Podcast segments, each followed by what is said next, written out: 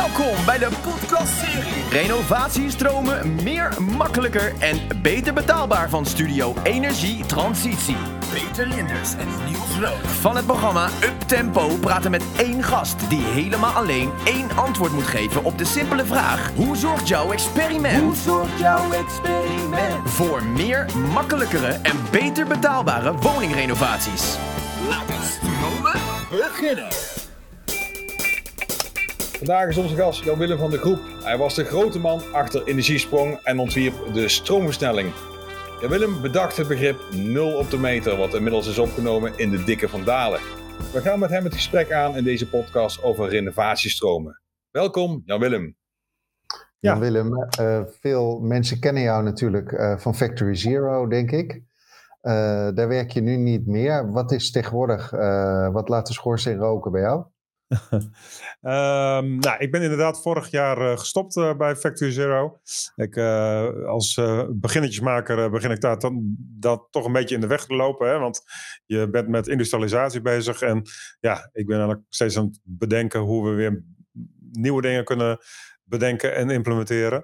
En ja, in, een industriële omgeving waar op een gegeven moment frozen products geproduceerd moeten worden, is dat toch lastig. Uh, ik ben uh, daarna gevraagd eigenlijk door het ministerie van Landbouw uh, om uh, biobased bouwmaterialen, het gebruik van biobased bouwmaterialen te helpen opschalen. Dus het, het, het, het zoeken naar ja, hoe je in de bouw versnelling kunt krijgen op het gebruik van biobased bouwmaterialen. En dan vooral uh, beyond hout. Hè? Want hout zit al best wel een aardige dynamiek op. Maar hoe kunnen we nou tiltgewassen en reststromen een plek geven in, uh, in de bouw? Ja. Interessant. Uh, um, Jan-Willem, zit je er klaar voor? Ik ben er klaar voor. Mooi zo. We zijn uh, benieuwd uh, wat jij uh, voor ervaring hebt in renovatiestromen. De vraag is, wat was jouw experiment? Wat was jouw experiment? Ja, nou, het, ik heb mijn best mislukte experiment is wellicht het leukste. ik heb in, mijn energiesprongtijd natuurlijk heel veel gedaan met ex, experimenten. De bekendste experimentenprogramma maar er zullen heel veel mensen alweer vergeten zijn. Dat was Slim en Snel. En met Slim en Snel proberen we met een aantal woningcoöperaties en een flink aantal bouwers uit wat nou eigenlijk de grens was op het gebied van uh, re renoveren. Was dat nou 40% energiebesparing, 60%, 80% of 100%? En in Apeldoorn hadden we samen met Sjoerd Klein-Velderman, die werkte toen nog bij de BAM, kwamen we op het idee, samen met de bewoners overigens, van laten we naar nul op de meter gaan. Nou, dat begrip bestond toen eigenlijk nog niet. Hè. Het was uh, energie notaloos. Dat was eigenlijk het eerste begrip wat we uh, bedacht hadden. En, maar goed, dat riep een heel hoop vragen op. En kun je dat mensen zo beloven en dat soort dingen. En ze krijgen toch nog een nota. Nou, ingewikkeld allemaal.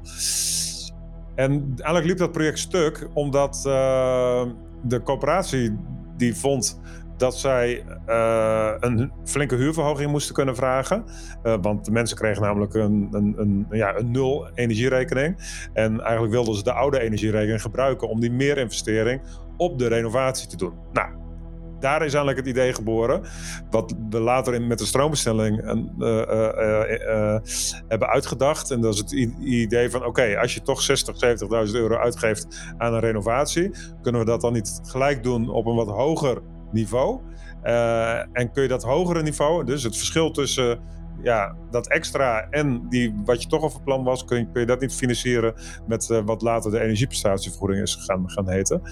En eigenlijk omdat dat project niet doorging en er alle ingewikkelde vraagstukken op tafel lagen, niet alleen maar dit hoor, maar ook, ook de bewonersparticipatie liep daar niet echt uit, of liep een beetje uit de hand, omdat de coöperatie uiteindelijk toch niet alle besluiten eh, bij de, bij de bewoners neer wilden leggen.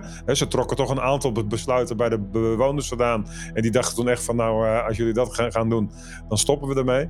Nou, het project ging niet door, maar eigenlijk is daar eh, de stroomstelling geboren. Zo zou je het een beetje kunnen zien. Vanuit een mislukking geboren dan? Vanuit een mislukking, ja. Ja, zeker. Dat zie je natuurlijk vaak.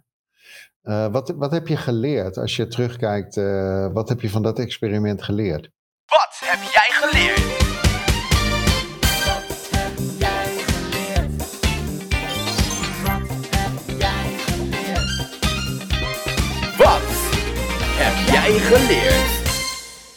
Ja, ik heb daar wel geleerd dat je gelijktijdig heel veel ballen in de lucht moet gooien als je uh, een beweging wil krijgen. We hebben heel erg gedacht vanuit het model vraag, aanbod, conditionering, financiering. Dat waren eigenlijk de drie uh, of de vier uh, elementen. Eigenlijk een soort modelletje waar, waar ik continu mee bezig was.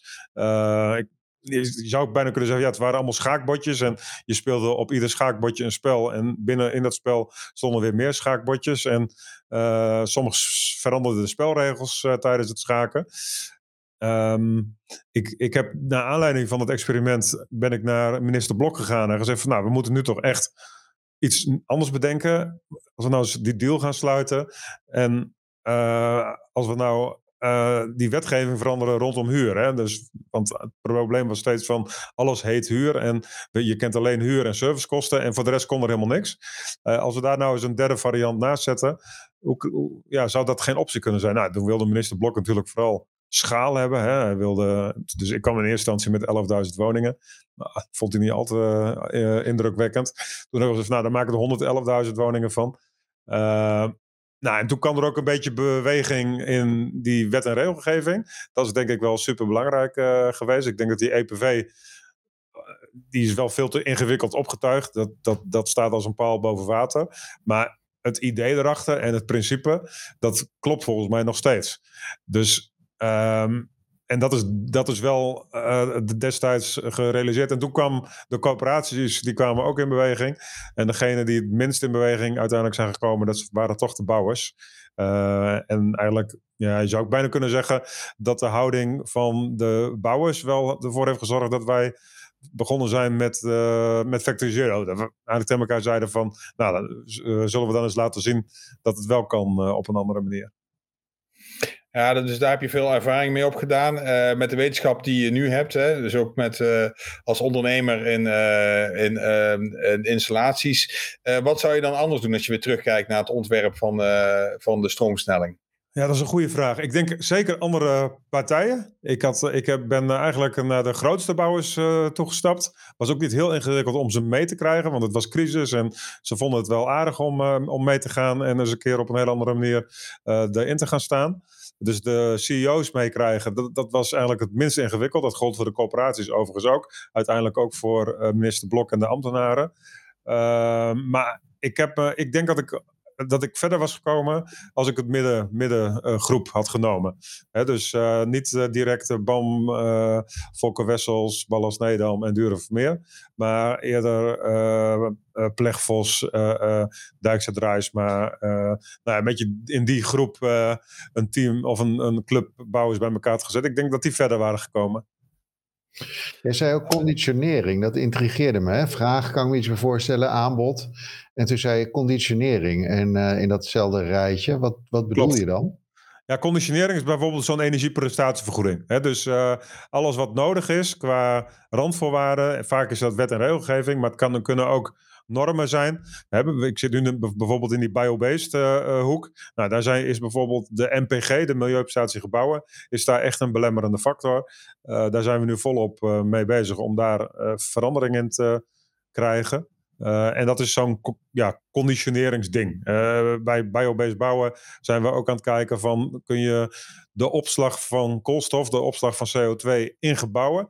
kun je daar ook echt gewoon... ja, kun je dat niet belonen. Want dat is gewoon geld waard. Want het kost Shell ook heel veel om het af te vangen... en vervolgens op te slaan in de Noordzee. Nou, als het Shell dat geld kost en we hebben daar subsidie voor over, uh, ja, dan kun je die subsidie ook aan boeren geven. En dan los je misschien ook wel het stikstofprobleem. En los je misschien ook wel uh, een nieuw uh, verdienmodel op voor boeren, weet je wel. Dus, en, nou, en dat zijn allemaal conditioneringsdingen. Jan-Willem, als ik, uh, uh, je, je, had uh, minister Blok en BZK als systeempartner in dit verhaal.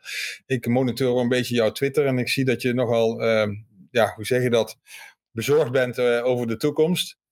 Um, hoe zou je het het liefst ingericht willen hebben om wel schaal te kunnen maken? Dus nog meer schaal te kunnen maken dan zeg maar, het oorspronkelijke plan van de stroomstelling?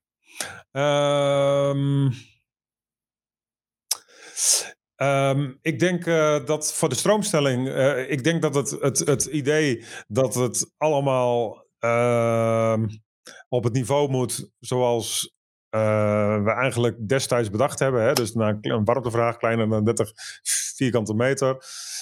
of 30 kilowattuur per, per, vierkante meter met een hele nieuwe schil eromheen en zo.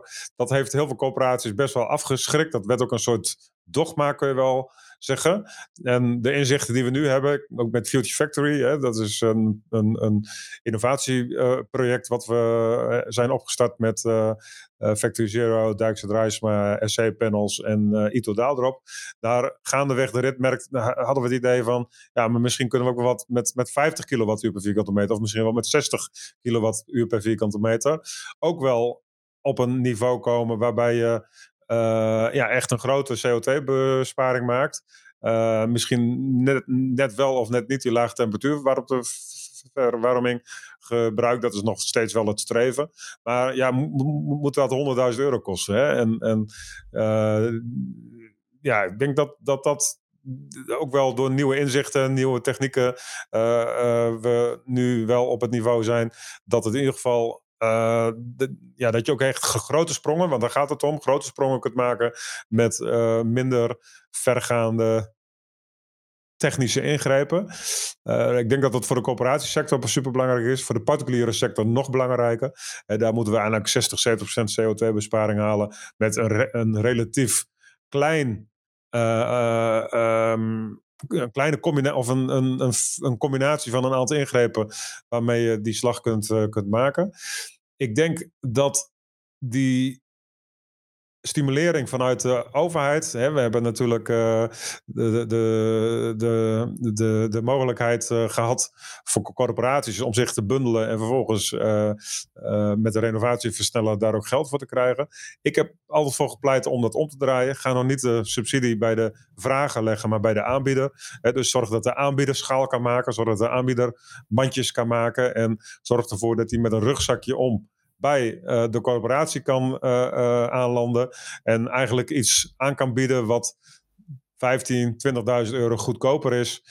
omdat hij gewoon dat rugzakje bij zich heeft. En op basis daarvan kan zo'n aanbieder schaal maken. Hè. Dus ik ben altijd heel erg bezig geweest, veel meer met de aanbieders dan met de vragers. En ja, dat zou ik nog wel steeds, daar sta ik nog steeds achter. Dat, dat ik denk dat we uh, veel minder uh, dan die kleine bedragen bij de vragers neer moeten, moeten, moeten leggen. Uh, maar veel grotere bedragen. En dat kan uit dezelfde pot. Hè? Dus je kunt 100.000 euro verdelen over 100 partijen. Je kunt ook zeggen van nee, ik ga het verdelen over vijf. En ik ga zorgen dat die vijf uh, 100 aanbiedingen gaan doen. Waardoor je hetzelfde effect hebt. En ik denk dat dat echt veel sneller gaat. Nou, dat was al tip 1. Hè? En die, uh, die tip is dan uh, voor het Rijk of voor de nieuwe minister van Wonen, die uh, wellicht aan het luisteren en kijken is. Misschien wordt ik nog wel geïnspireerd. Um, nog twee tips. Eentje voor de woningcorporaties, eentje voor de aanbieders. Wat is jouw tip? Ja, bij de woningcorporaties zou ik, uh, ja, dat ligt een beetje in de lijn van wat ik nu doe, maar we hebben natuurlijk heel, we, focussen heel erg op energie. Ik zou ook echt kijken naar de materialen die je gebruikt om te verduurzamen, omdat we inmiddels doorhebben dat er ook echt heel veel embodied energie en dus ook CO2-emissie is gekoppeld aan het gebruik van die materialen. daarmee dreigen we echt over onze klimaat budgetten heen te gaan. Dat geldt zowel voor het materiaalgebruik van renovatie en van nieuwbouw. En uh, ja, als we niet uitkijken, komen we in een, uh, in een CO2-lockdown uh, terecht. Dus ik zou echt ook aan willen raden om dat aspect mee te pakken. En uh, als je dan uh, tot de industrie of tot, uh, tot de aanbieders behoort, aannemers, wat zou dan de belangrijkste tip zijn? Ja, dan, is, dan, dan, dan hebben we het echt over de aanbieders aan de, in de, aan de corporatiesector. Hè? Want dat is wel ja. een, een dingetje. ik, heb, ik ben nu ook bezig met een aantal particuliere trajecten, waarbij we ook proberen om op grote schaal met particulieren aan de slag te gaan. En wat ik merk is dat die corporatieaanbieders, die hebben echt geen zin om met die particulieren aan de slag te gaan. Terwijl dat de allergrootste opgave is. Hè? Van de 18 megaton CO2 uitstoot van huizen. Daar is slechts 4 is woningcoöperatie en 14 is eh, de particuliere sector. En daar moeten we dus veel sneller meters maken. En ik, ik, ik zou echt een oproep willen doen aan die partijen die nu met die coöperatie bezig zijn om al die kennis en expertise echt ook in te gaan zetten voor die particuliere sector.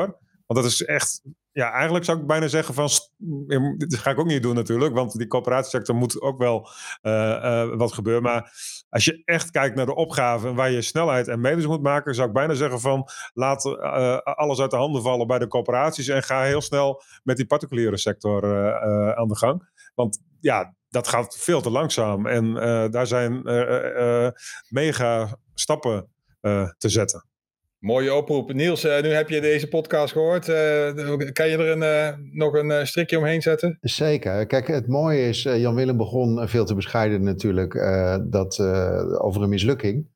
Ehm, wat er natuurlijk blijft, en door dit, dit hele proces op gang is gekomen, is dat vragende partijen, maar ook aanbiedende partijen en de overheid samen aan de tafel zijn gaan zitten en uh, een, heldere, een heldere propositie hebben bedacht, die voor die tijd natuurlijk super was.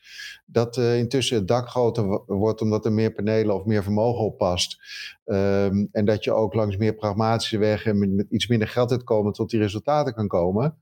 Dat is fantastisch, maar die infrastructuur van dat overleg, dat staat wel. En dat heeft heel veel mooie dingen opgeleverd en doet dat nog steeds. Dus durf ook af en toe inderdaad gewoon iets te gaan ondernemen met z'n allen. Zoek die samenwerking op. En dat zou voor mij uh, het inspirerende zijn uit het verhaal van Jan Willem. Ja, heel mooi. Jan Willem, wil je nog ergens op terugkomen? Nou, ik, ik vind wel mooi wat jij zegt, Niels. Want eh, wat ik merk bij dit onderwerp, bij het onderwerp energietransitie, dat is dat, uh, en met name bij de coöperatie, aan de coöperatiekant, met uh, nu de 2.0 versie, die er hopelijk ook een keer aan zit te komen van de renovatie versnellen, maar ook met de EPV, merk ik dat daar wel erg met de koplopers wordt gesproken. Hè? Dus uh, dat zie ik in andere, uh, op andere gebieden niet. Dus er wordt heel veel met Bouw Nederland en TechniekNL en dat soort clubs gesproken. Maar uh, op, dit, op dit thema wordt echt heel erg samen met de koplopers ja, eigenlijk de, de, de route gezocht. En dat vind ik wel echt een pluspunt van energietransitie en met name in de, de woningcoöperatiehoek. Ik hoop eigenlijk dat dat ook een les is voor ja, de beweging uh, van energietransitie, uh, particulieren en uh, de materialentransitie. Nou, dat is een mooie brug. Nou, Willem, ik wil je bedanken voor deze podcast. Dat was je alweer, deze podcast. Maar het duurt niet lang, we zijn snel weer terug. Abonneer je op deze podcast en je kan hem nog delen met je, met je netwerk, heel graag. En we zeggen tot de volgende keer. Ja, bedankt. Hoi. Deze podcast is mogelijk gemaakt door... TKI Urban Energy.